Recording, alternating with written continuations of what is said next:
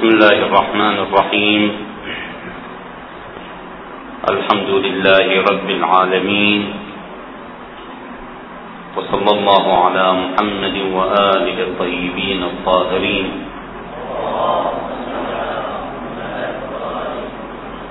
العلامة الأخرى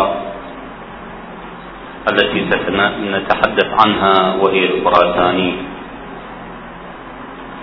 إحدى العلامات المحتومة وقيل أن الخراساني طبعا يعنون بثلاث عناوين. الخراساني أو الحسني أو الهاشمي. رجل يخرج من خراسان. وخراسان تحديدا شمال إيران. إداريا اليوم شمال إيران. بعض الروايات تحدد خروجه من خراسان من سمرقند. سمرقند إحدى المناطق الروسية. يعني إحدى الجمهوريات الروسية المنحلة ويبدو أن سمرقند هي أوزبكستان جمهورية من جمهوريات الاتحاد السوفيتي المنحل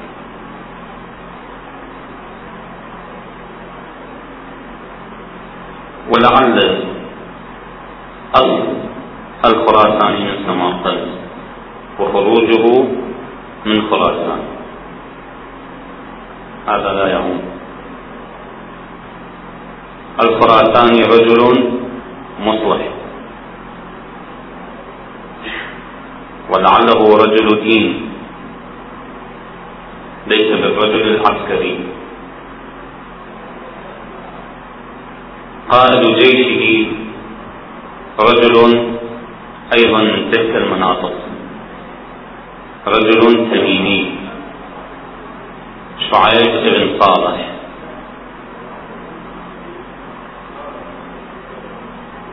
ولعل شعيب بن صالح ليس بالاسم الحقيقي أيضا.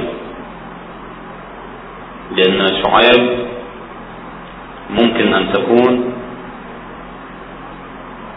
شبيهة بشعيب. وصالح أبوه شبيه باسم صالح. إخفاء على شخصيته وهويته. لكنه رجل تميمي.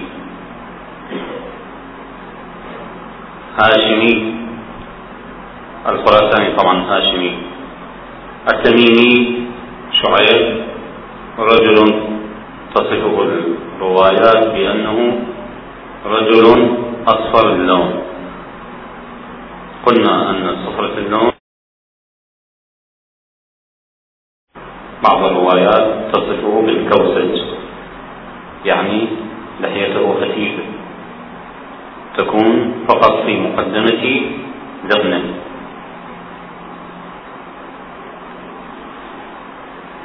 أكوس أو كوسج حسب تعبير الروايات بعض الروايات تصفه بأنه ثلاثين عاما. رجل عسكري أو رجل موالي شديد بطش بأعدائه وشديد في الحرص على سلامة قضية الإمام المهدي عليه السلام. يخرج الخراساني في الوقت المحدود ليعلن إلى الناس عن رغبته في نصرة الإمام. لأنه في الأثناء ستكون هناك حركة خفية.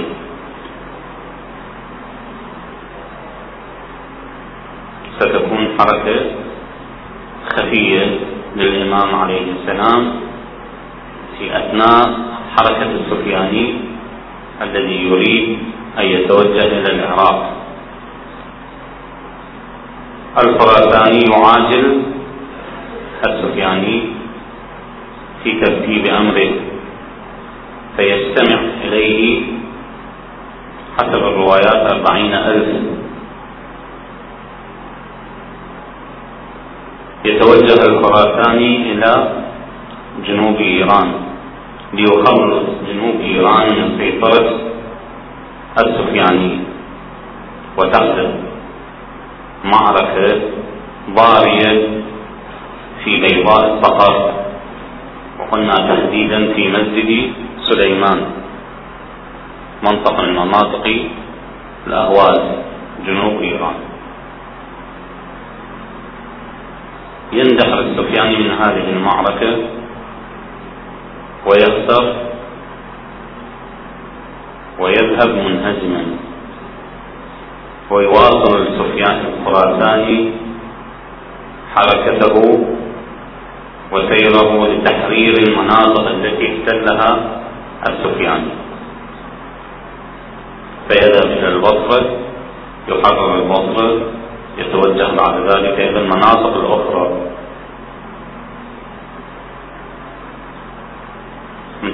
من تلك المناطق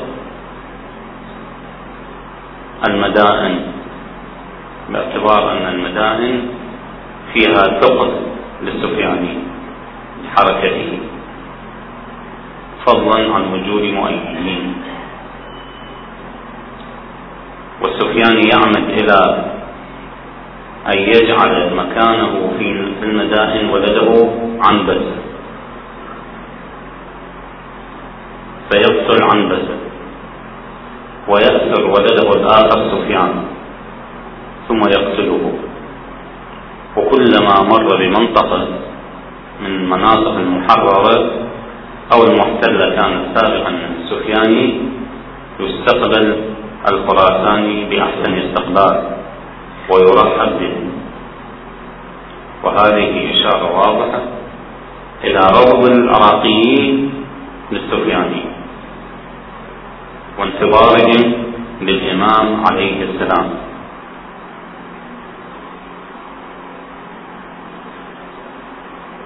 يتوجه بعد ذلك الخراساني وأهم توجه له هو الكوفة. فيلتقي بجيش اليماني وقد وصل في نفس الوقت. فيشكلان جبهة قوية لإخراج السفياني من الكوفة وتحرير الكوفة من براثن جيش السفياني. يتوجه بعد ذلك الخراساني إلى أحد المناطق. فيقول له أصحابه سمعنا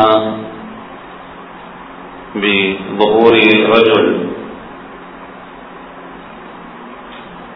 مع جيشه. يقول لهم اذهبوا وأتوني بخبره. الروايات تقول الخراساني يعلم من هو وهو جيش الإمام عليه السلام. فيتقدم الخراساني للإمام ليريد أن يثبت حقيقة أن هذا هو الإمام. فيقول له إن كنت أنت الإمام المهدي تخرج إلينا مواريث النبوة. يطالبه بمواريث النبوة. فيخرج لهم يقوم أحد أصحاب الإمام عليه السلام محاولا قتل خراساني لأنه تجرأ على الإمام. تجرأ في حضرة الإمام. يشير إليه الإمام بالجلوس. أن أجلس أجلس فيجلس. ثم يأمر الإمام عليه السلام بصندوق يؤتى له بصندوق فيفتحه فيخرج بردة رسول الله صلى الله عليه وآله. وهراوة رسول الله. هراوة رسول الله عصا رسول الله. فينبتها ينبت ينبت هذه العصا أو هذه الهراوة الإمام عليه السلام في حجر صد فتورق الشجر العصا. تورق إلى شجرة مورقة. فيتعجب الناس. بدل من أن يصدق الكثير أو كل الجيش جيش الخراساني بهذه المعجزة ويقوم الخراساني بمبايعة الإمام يشكك أشخاص يسمون أصحاب المصاحف. بعض الروايات تطلق عليهم بالزيدية وتطلق عليهم بعض الروايات بأصحاب المصاحف. وإطلاق أصحاب المصاحف عليهم سم من سمات نفاقهم لأن الخوارج أيضا الذين شككوا في حركة الإمام أمير المؤمنين عليه السلام يطلق عليهم بأصحاب المصاحف. هؤلاء أشخاص متفلسفين يدعون الفقاهة لا يعجبهم أحد. لا يعجبهم شخص. لا يعجبهم عالم. حتى لا يعجبهم إمام. يتهمون الإمام بأنه ساحر أو سحر عظيم. ما يعمله سحر عظيم. يعظهم الإمام. يختلط الجيشان فيما بينهم. تضطرب جيش جيوش الخراساني أو جيش الخراساني مع جيش الإمام أو المؤيدين للإمام عليه السلام. يمهلهم الإمام ثلاثة أيام. فلا يزدادون إلا طغيانا وكفرا. تعبير الروايات.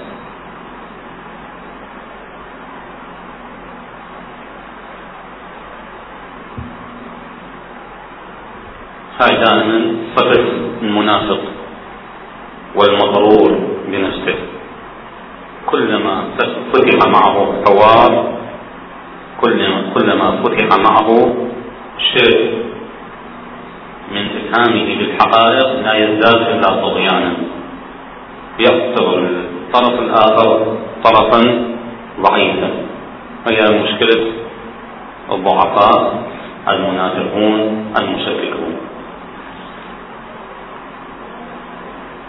يخرج الإمام إليهم إكمالا للحجة كما قلنا بردة رسول الله صلى الله عليه وآله. حراوة رسول الله. يغرسها في الحجر الصلب فتورد يخرج إليهم عمامته السحاب. هذه العمامة يتوارثها الأئمة عليهم السلام. لبسها الإمام أمير المؤمنين في صفين يفهمهم أنه ولي رسول الله. لبسها الإمام الحسين عليه السلام في الطف يفهمهم أنه ابن بنت رسول الله ولي رسول الله. إلقاء الحجة الإمام عليه السلام أيضا يخرجها إليهم يخرج إليهم درعه الفاضل درع رسول الله صلى الله عليه وآله خصوصيات هذا الدرع. ما لبسه إمام يستحق الإمامة إلا وكان على مقداره وقياسه. لا يزداد منه شبر أو شيء مهما أن كان جسم الإمام عليه السلام. إذا لبس الدرع أمير المؤمنين عليه السلام لم يبق منه شيء فاضل. وإذا لبسه الإمام الجواد عليه السلام مع أن يعني حجمه أو قامته صغيرة أيضا لم يغفر منه شيء. هذه من إعجازات مواريث النبوة. ولذلك كانوا الأئمة عليهم السلام يثبتوا لغيرهم بأنهم أحق بالأمر بهذا الدرع أحيانا. من لبسه وزاد عليه فهو ليس بالإمام. يخرج إليهم أو يطالب من قبل الخراساني بفرس الرسول صلى الله عليه وآله. يخرج إليهم فرسا. يخرج إليهم بعد ذلك الناقة العضاء ناقة النبي صلى الله عليه وآله. الروايات تؤكد أن هذه الناقة يركبها النبي صلى الله عليه وآله يوم القيامة. يخرج إليهم حماره. ثم يخرج إليهم البراق مسألة إعجازية إعجاز. هو ليس أقل في نبي الله صالح. صالح أخرج بالناس من الحجر الصلب ناقة الإمام عليه السلام يعيد ناقة رسول الله صلى الله عليه وآله إلى الحياة. النبي صلى الله عليه وآله والإمام أمير المؤمنين عليه السلام والأئمة الآخرين عليهم السلام يخرجون يرجعون إلى الدنيا. فليس من العجب أن ترجع ناقة رسول الله صلى الله عليه وآله أو براءه مرة أخرى على يد الإمام. مسألة الإعجاز صحيح أن الإمام عليه السلام في حركته لديه تكتيك عسكري يسبق الأحداث لكن تؤيده بعد ذلك المعجزات. أكثر حركته إعجازية. ينتهي الأمر بأن يكبر الخراساني يقول الله أكبر. مد يدك فيمد يده الإمام عليه السلام. فيبايعه ويبايعه أصحابه ولا يبقى منهم إلا المشككون أصحاب المصاحف المتفقهون المرضى مرضى. حتى لو يروا الإمام هم أصحاب وسواس تشكيك. فيحاورهم الإمام ثلاثة أيام فلم ينتبه منهم أحد فلا يزداد إلا طغيانا وكفرا فيأمر بقتلهم فيقتلون. الإمام عليه السلام يطهر جيشه وجيش الخراسان من هؤلاء فلا يبقى منهم إلا الممحص المخلص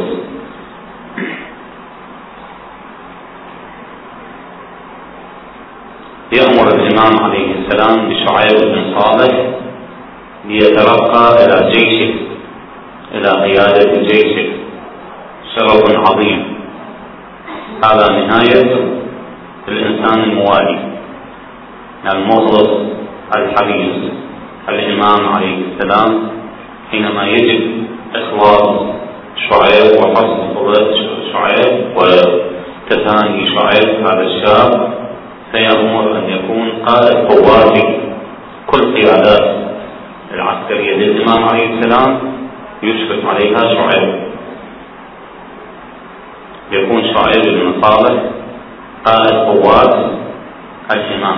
يتلفظ من قائد قوات جيش الخراساني إلى قائد قوات عامة عسكرية. يأخذ أوامره وتوجيهاته وتسديداته من الإمام عليه السلام. شرف حرص الإنسان على ولائه لأهل البيت عليهم السلام يوسعه دنيا وآخرة. يطرد كل شيء من قلبه على حب أهل البيت. وهذا أساس التوفيق. أساس الوصول إلى أي غاية أو هدف هو أهل البيت. أولا وآخرا أهل البيت.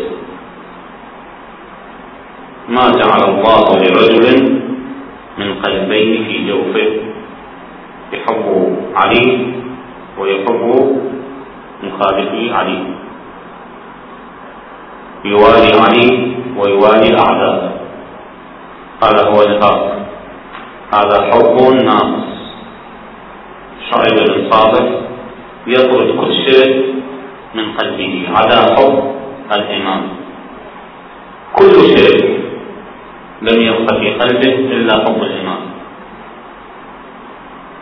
فوز شعيب مع وجود شخصيات في جيش الخراساني لكنه هذا الشاب يفوز على هذا الشرف.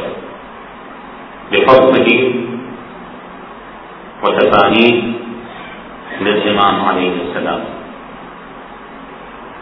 هذه حركة الخراساني وسنقرأ رواية تفيدنا في هذا الشأن ونذكر مصدرها أيضا. عن المفضل بن عمر عن الإمام الصادق عليه السلام في حديث قال عليه السلام ثم يخرج الحسني. قلنا الحسني والخراساني والهاشمي ألقاب مترادفة لشخص واحد. الفتى الصبيح الذي نحو الديلن صفة هذا الشخص. فتى والفتوة لا تعني فقط أن يكون شابا.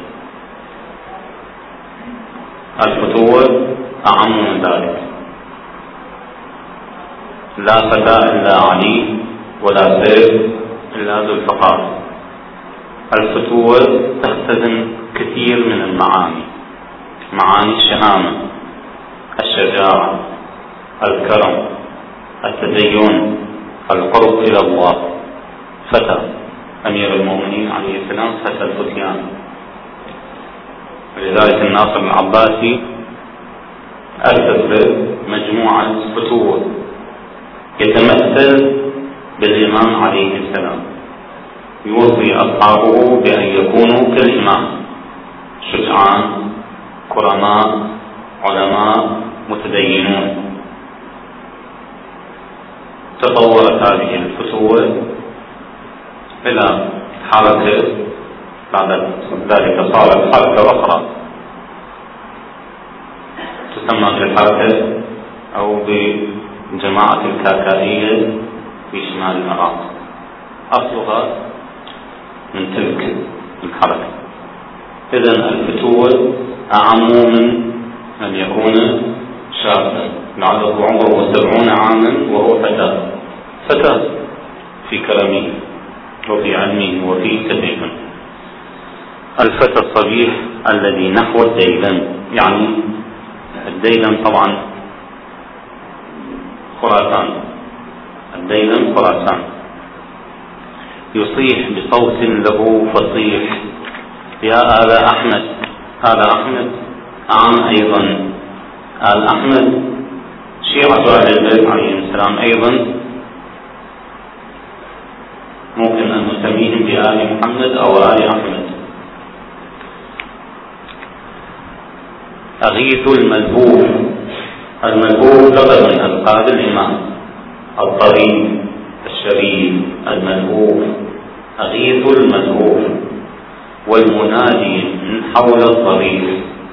ستجيبه كنوز الله بالطالقان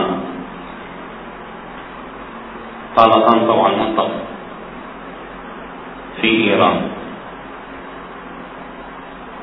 منطقة معروفة في إيران. هذه الكنوز ليست بكنوز ذهب ولا فضة. رجال اختزنوا أنفسهم لنصرة الإيمان. كنوز وأي كنوز ليست من فضة ولا ذهب بل هي رجال كزبر الحديد هؤلاء الذين يجيبون إلى دعوة الخراسان.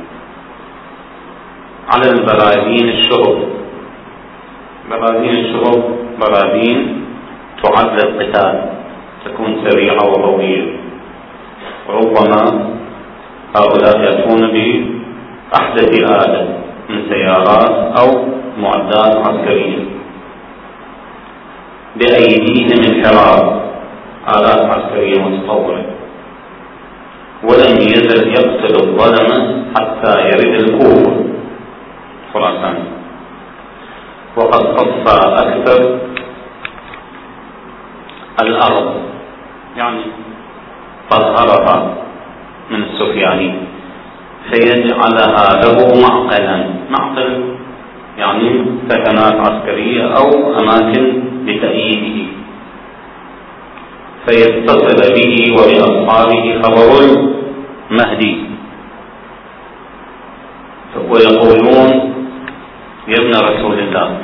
خطابهم للخراسان يا ابن رسول الله. من هذا الذي نزل بساحتنا فيقول اخرجوا بنا إليه حتى ننظر إليه. وما يريد وهو والله يعلم أنه المهدي لكن لا يريد أن يبادر أصحابه. طريقة من طرق الإقناع يستعملها الخراساني لا يريد أن يفرض عليهم رأيه إنما يأتي معهم بطرق طبيعية. يثبت لهم أنه هو المهدي. وهو الله يعلم أنه المهدي وأنه لا يعرفه. بالتأكيد أنه كانت هناك اتصالات بينه وبين الإمام عليه السلام. ولم يرد بذلك الأمر إلا تعريف أصحابه من هو. فيخرج إليه فيقول إن كنت مهدي آل محمد فأين هراوة جدك رسول الله صلى الله عليه وآله؟ وخاتمه وبردته ودرعه الفاضل وعمامته السحاب وفرسه اليربوع وناقته العضاء وحماره أو بغلته الدلدل وحماره اليعقوب ونجيبه البراق البراق. ومصحف أمير المؤمنين عليه السلام. كل هذه يطالب بها الخراساني فيخرج له أو يخرج له ذلك. ثم يأخذ الحراوة فيغرسها في الحجر الصلب فتورط ولم يرد ذلك إلا أن يري أصحابه فضل المهدي عليه السلام حتى يبايعوه. يبايعوه عن قناعة وعن اطمئنان. فيقول الله أكبر مد يدك يا ابن رسول الله حتى نبايعك. فيمد يده ويبايعه ويبايعه سائر العسكر الذي مع الحسني أو الخراساني إلا أربعين ألف. الظاهر أكثر من أربعين ألف جيش. إلا أربعين ألفا أصحاب المصاحف فإنهم يقولون ما هذا إلا سحر عظيم. فيختلط العسكران يضطرب فيما بينهما الأمر. فيقبل المهدي عليه السلام على الطائفة المنحرفة فيعظهم ويدعوهم ثلاثة أيام فلا يزدادون إلا طغيانا وكفرا. فيأمر بقتلهم فيقتلون جميعا. ويقول لأصحابه لا تأخذوا المصاحف ودعوها تكون عليهم حسرة كما بدلوها وغيروها وحرفوها ولم يعملوا بما فيها. تكون عليهم هذه المصاحف شاهدة على طغيانهم وانحرافهم وتشكيكهم ونفاقهم كما كانت حسرة على أصحاب المصاحف الخوارج من قبل. المصدر طبعا بحار الأنوار جزء 53 صفحة 15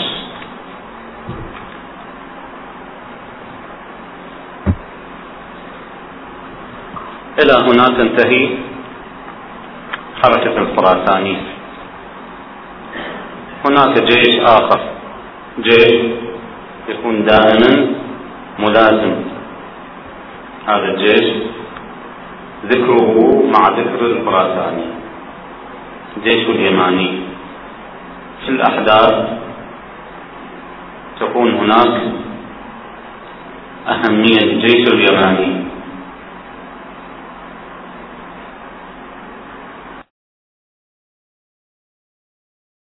قاتل لكن يعني مواصفات هذا الرجل بعضها بعض الروايات. وصفته بالملك أو الخليفة. ورجل أبيض اللون كالقط أبيض شديد البياض لعلها صفة مثلا لنقاوته وطهارته.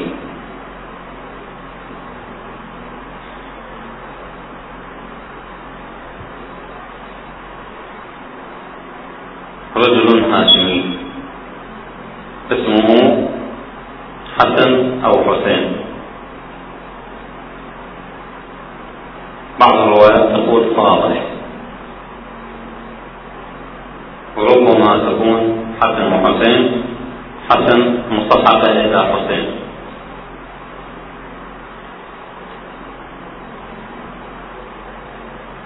بعض الروايات تشير إلى وجود حركة قبل اليماني ممهدة لليماني مبشرة باليماني أهل اليمن معروفون بزيديتهم. يقولون بإمامة أمير المؤمنين عليه السلام. وبالمقابل بإمامة الشيخين وإمامة زيد بن علي وإمامة من يدعي لنسبه الإمامة من بني هاشم شاهرا سيدا هذه مواصفات الإمام. عندهم. حركة الحوثي آخر ما سمعنا بها في اليمن.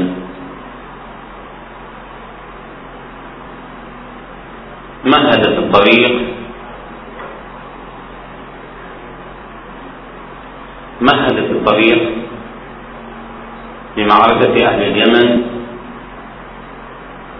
بقضية الإمام المهدي عليه السلام. الحوثي رجل مصلح أستاذ جامعة. يختص بتفسير القرآن. لديه مجموعة من الناس ومن الشباب. أرجعهم إلى مذهب أهل البيت عليهم السلام. يعقد المجالس مجالس تفسير القرآن. وقراءة دعاء ليالي الجمعة.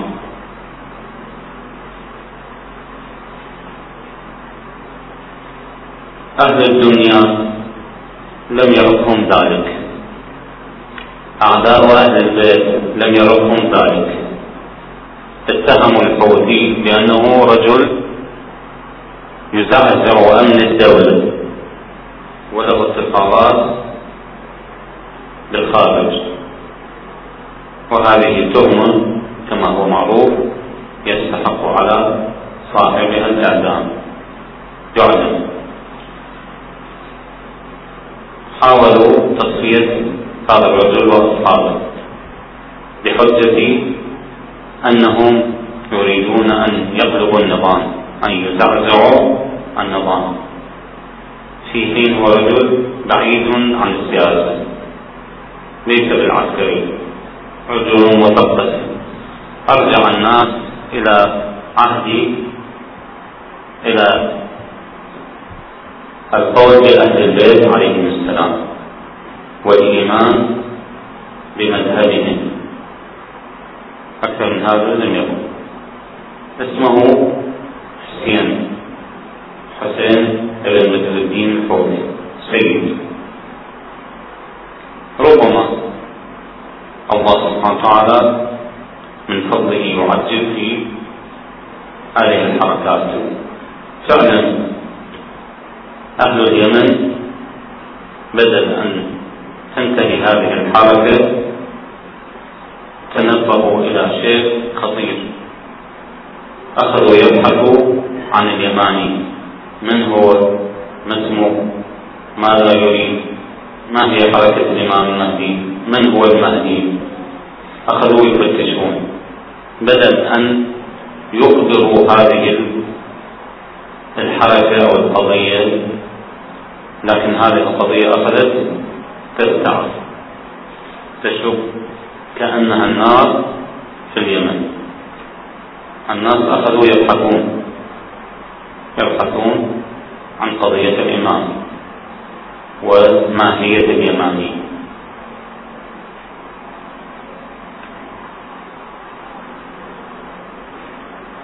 ربما يكون اليماني المقصود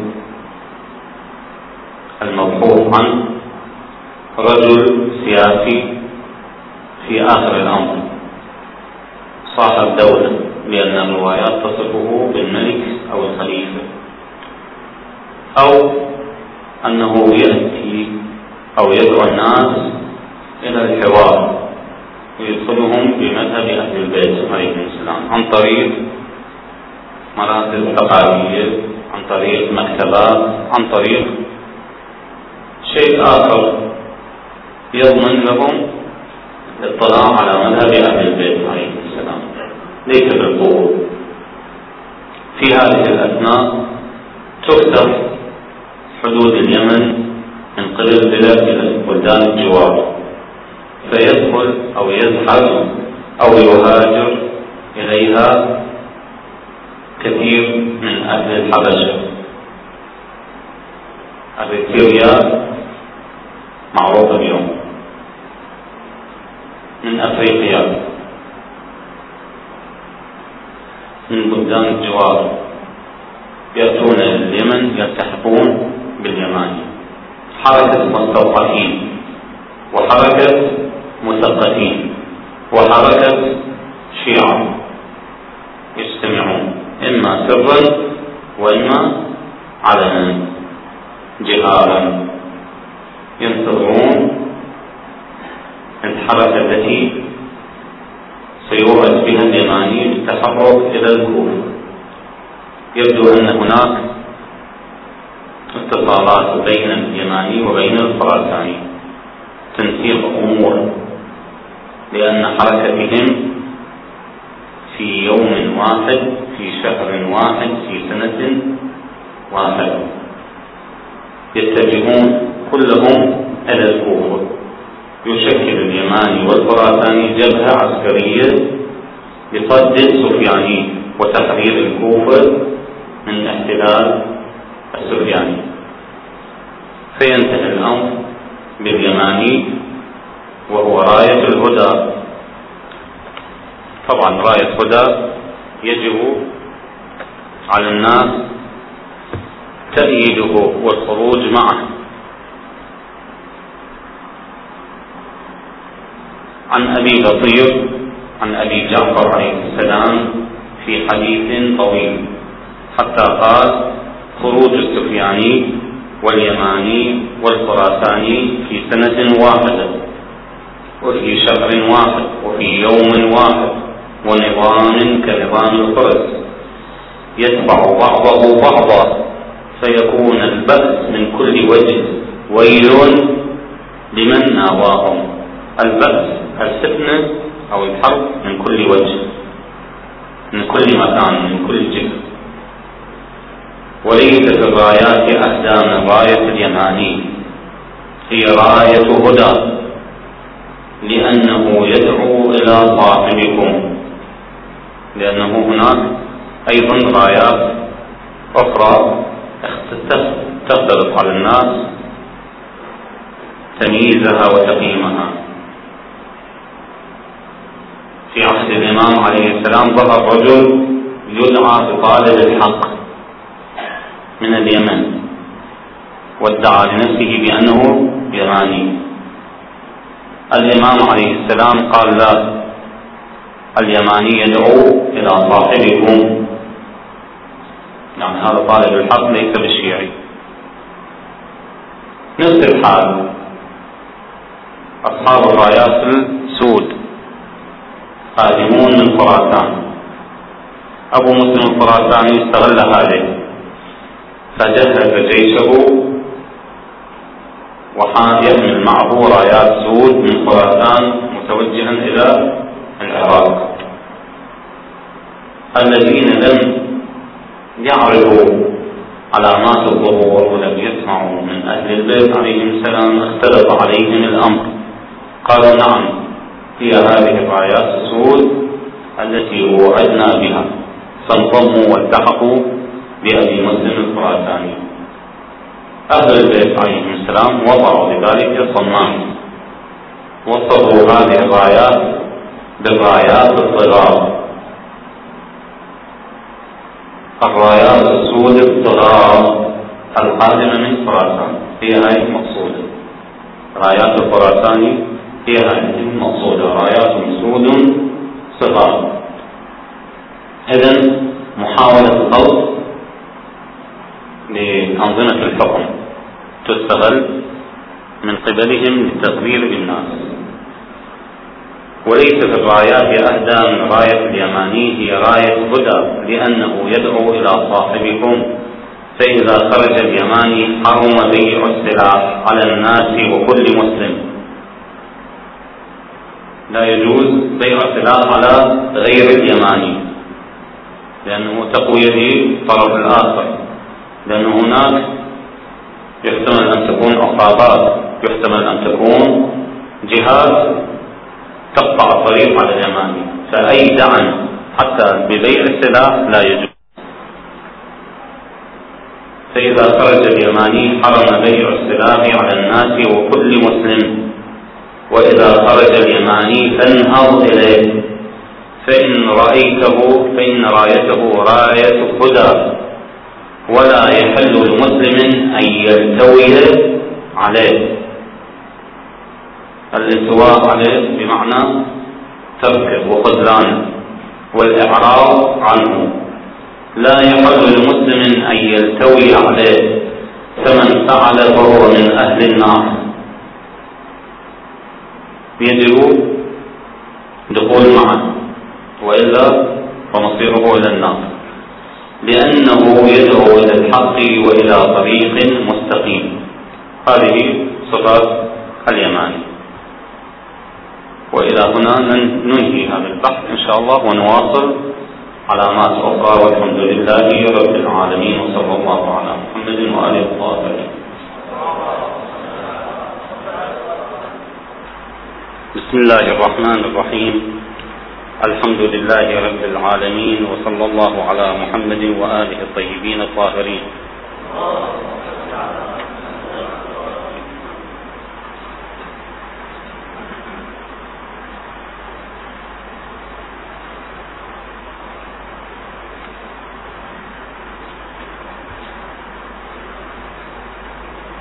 طبعا الأخوة يسألون عن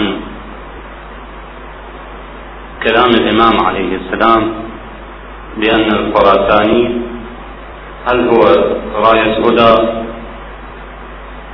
كيف أن الإمام عليه السلام ميز راية اليماني عن راية الخراساني وقال أنها راية هدى هل أن راية الخراساني ليست براية هدى طبعا هذا لا يعني أن الإمام عليه السلام يقصد أن راية الخراساني راية غير هدى راية ضلال لا سمح الله. الإمام عليه السلام يشير إلى أن هذه الراية لم يكتنفها شيء من الغموض أو من الانتساب لأنه في جيش الخراساني سيندس مجاميع كما قرأنا أربعين ألف مشككين. فلم تكن هذه الراية راية صافية يعني. مع أن الخراساني صاحب هدى لكنه رايته راية أو تنظيمه تنظيم فيه دس ووقيعة بالإمام عليه السلام. راية الفرد اليماني راية كاملة مكملة. ليس فيها شيء ضد الإمام عليه السلام. جيشه كله جيش إيمان وجيش صلاة جيش هدى. فتمييز اليماني عن الخراساني لا يعني أن الخراساني رجل ليس بصاحب هدى. طبعا جيشه جيش بعض جيشه مخلوط فيه مختلط أما هو الخراساني نفسه رجل مصلح. رجل يدعو إلى الإمام عليه السلام ويبايع الإمام. نعم. طبعا في راية واحدة تكون راية واحدة لكن أكثر التركيز حركة الخراساني يذهب الخراساني لكن التركيز على راية الهدى اليماني. فهي طبعا بالتأكيد آخرها راية واحدة تكون جيش واحد يعني جبهة عسكرية واحدة. العلامة الأخرى النفس الذكية. طبعا معنى النفس الذكية النفس البريئة من الذنوب المبرأة من الذنوب. وقتلت نفسا بغير نفس. وقتلت نفسا زكية بغير نفس. نفس بريئة لم ترتكب ذنب لم ترتكب شيء من الجرم تسمى نفس ذكية. النفس الذكية نفسان في الروايات. نفس ذكية تقتل نفس ذكية ظهر الكوفة مع سبعين من أصحابه.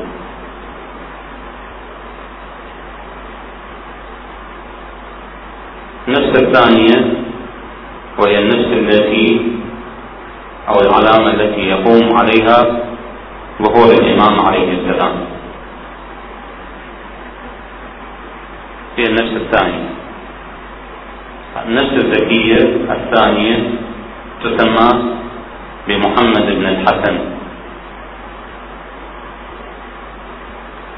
هذه النفس الذكية طبعا كما قلنا في الخراساني واليماني أيضا مرت بحالات تمويل.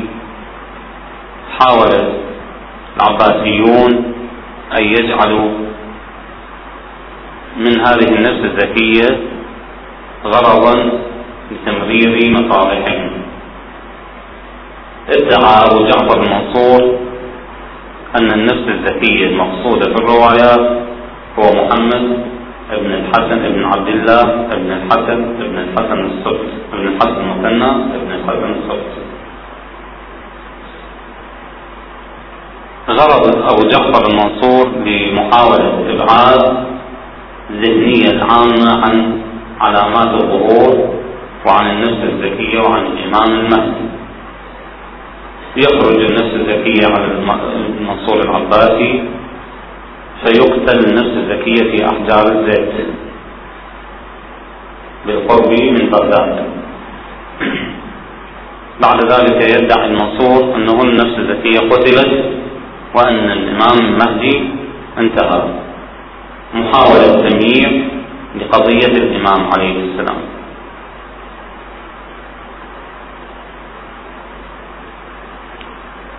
يقتل النفس الزكية بعد أن يظهر الإمام عليه السلام ظهور أولي يلتفت إلى أصحابه الإمام عليه السلام. ويقول لهم يا أصحابي إن أهل مكة لا يريدونني. وأنا باعث إليهم برسالة. الإمام المهدي عليه السلام يريد أن يحاور أهل مكة لأن أهل مكة سيضطربون من حركة الإمام. مع ضعفهم يضطربون من حركة الإمام. ويحاولوا أن يجهزوا على حركة الإمام. ويصدوا حركة الإمام عليه السلام. ولذا تجد أن أكثر الروايات تقول ويقتل بنو شيبة. بنو شيبة طبعا سدنة الحرم. حكام مكة يتواضع معهم أصحاب السفياني الإمام المهدي عليه السلام يحاور أعداء يحاور مخالفيه كما كان أمير المؤمنين عليه السلام يحاور أصحابه في صفين. يبعث إليهم بغلام. أمير المؤمنين عليه السلام يبعث إلى أهل صفين بغلام. يحمله رسالة. ويقول من حمل بالقرآن ويقول من حمل هذا القرآن وذهب إلى القوم يقتل فيقوم شاب ويقول أنا بالرغم من أنني أقتل لكن المهم تنفيذ مهمة الإمام ورسالة الإمام. كل الدماء رخيصة من أجل أهل البيت عليهم السلام.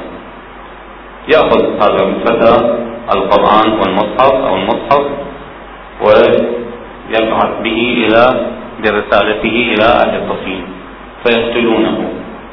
فيحل بعد ذلك قتال هؤلاء. الإمام الحسين عليه السلام أيضا ينشر مصحف ويحاور الناس. قبل ذلك مسلم بن عوسجة حبيب بن مبارك كل من برز إلى القتال يحاور ويلقي الحجة الإمام المهدي عليه السلام نفس الأسلوب يفعل. يحاور القوم. يذهب أحد الأشخاص يسمى محمد بن الحسن. فيبعث به بيده أو معه رسالة. الرسالة تكون شفهية. يدخل إلى مكة ويدخل المسجد الحرام ويقف ليقرأ الرسالة ويبلغ صيحة الإمام ورسالة الإمام عليه السلام. هؤلاء حذرون يعني يراقبون أي شخص داخل إليهم. يلقون القبض على النفس الذكية فيأخذونه ويذبحونه بين الركن والمقام. بين ركن الكعبة يعني الحجر الشريف والمقام. أقدس الأماكن وأشرفها في هذه المنطقة. يصل بهم جورهم وطغيانهم وإفسادهم بقتل النفس الذكية البريئة في هذا المكان. يتحاملون عليه. ثم لا يكتفون بقتله فيأخذون ابن عمه رجل بعض الروايات تقول تقول جاء من العراق. يدخل إلى مكة فيلقى القبض عليه هو وأخته فاطمة. فاطمة أيضا تقتل شرطا ويقتل ابن عمه أيضا.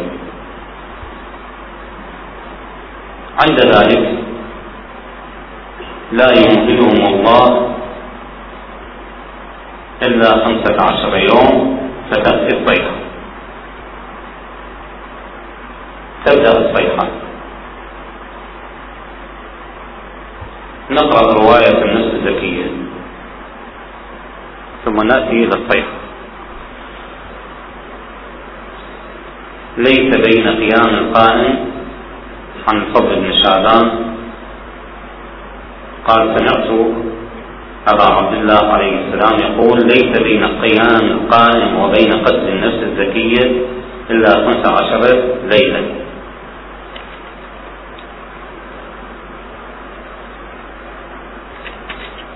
المصدر بحار الأنوار جزء 52 صفحة 271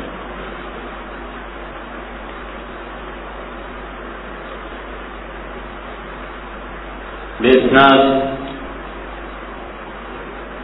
المجلسي إلى أبي بصير عن أبي جعفر عليه السلام في حديث طويل إلى أن قال يقول القائم عليه السلام طبعا بداية ظهوره لأصحابه يا قوم إن أهل مكة لا لا يريدونني يمنعونني لأن أهم منطقة أو أهم مكان للإمام عليه السلام الآن مكة لأنه يبدأ حركته من مكة. يحاول أن يأخذ بيعة أهل مكة لكن أهل مكة يرفضون ذلك ويأبون عليه.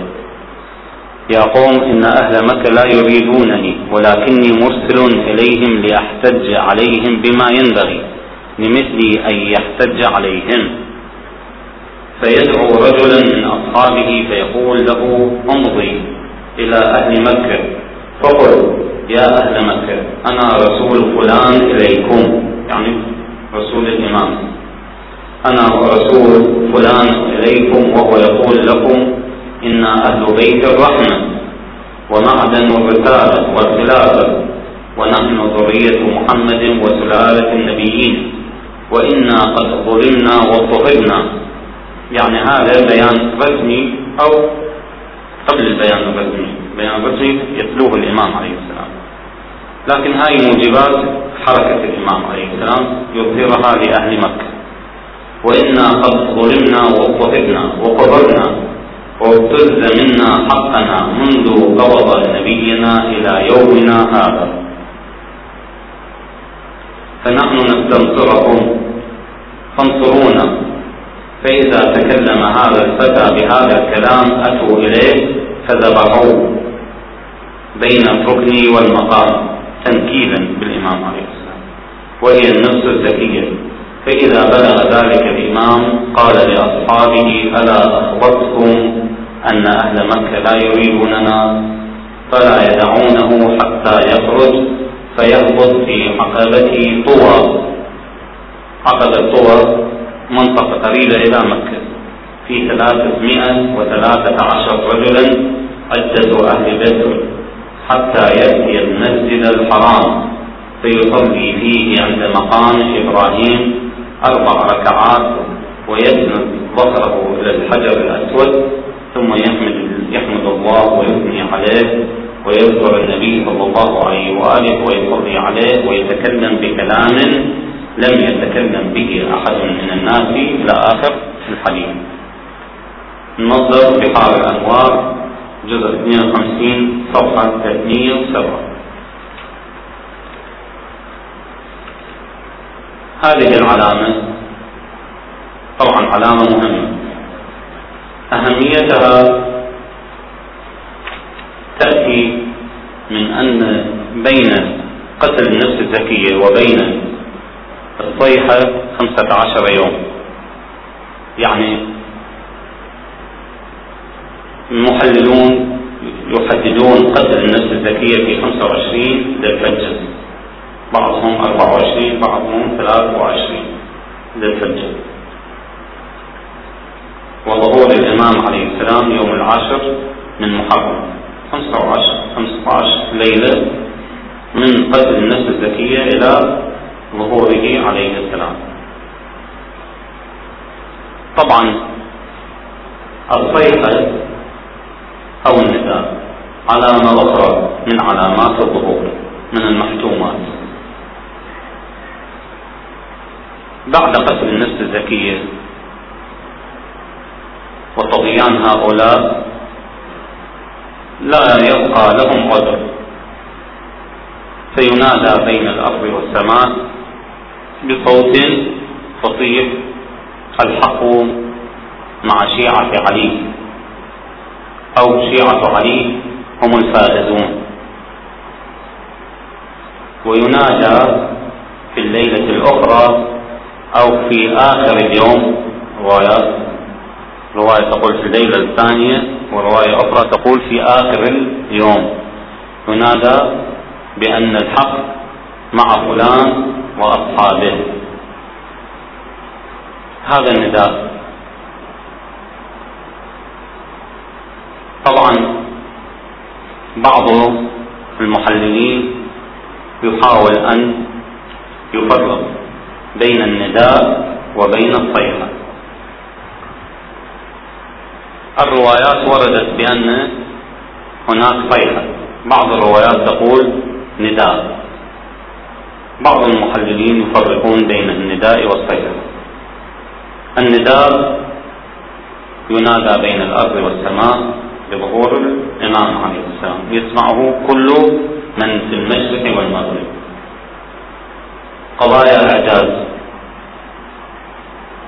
صحيح قضايا تقنية تتدخل فيها لكن كثير من قضايا علامات الظهور قضايا إعجازية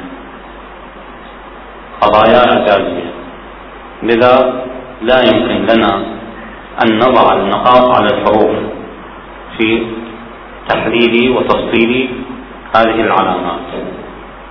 لا يمكن لنا أن نجتهد في توصيف هذه العلامات. نعم نحن نعلم أو نعرف هذه القضايا قضايا إجمالية. أما كيفية ودقة وتفاصيل هذه الأمور موكولة إلى الإمام عليه السلام. تحركاته التفصيلية موكولة إلى الإمام عليه السلام. لذا المعروف أن علامات المحتومة أصلها محتوم لكن يطرأ الجداء على تفاصيلها على حيثياتها. فلا يمكن لنا أن نجتهد في بعض التفسيرات. نعم ممكن أن تكون هناك قرائن نستفيد منها ونستعين بها من روايات أخرى لفهم علامات الظهور إذا هذه العلامة هل هي نداء أو صيحة؟ بعضهم يقول النداء غير الصيحة. لكن الصيحة توحي إلى أمر فيه عذاب. لقوله تعالى وأخذتهم الصيحة. يعني أخذهم العذاب. النداء شيء يوحي بالاستغاثة يبدو من الروايات التي تعنون كلمة النداء موجهة إلى أتباع أهل البيت عليهم السلام. ينادى بهم للاستغاثة يستغاث بهم. ينادى بالبشارة لأنها بشارة.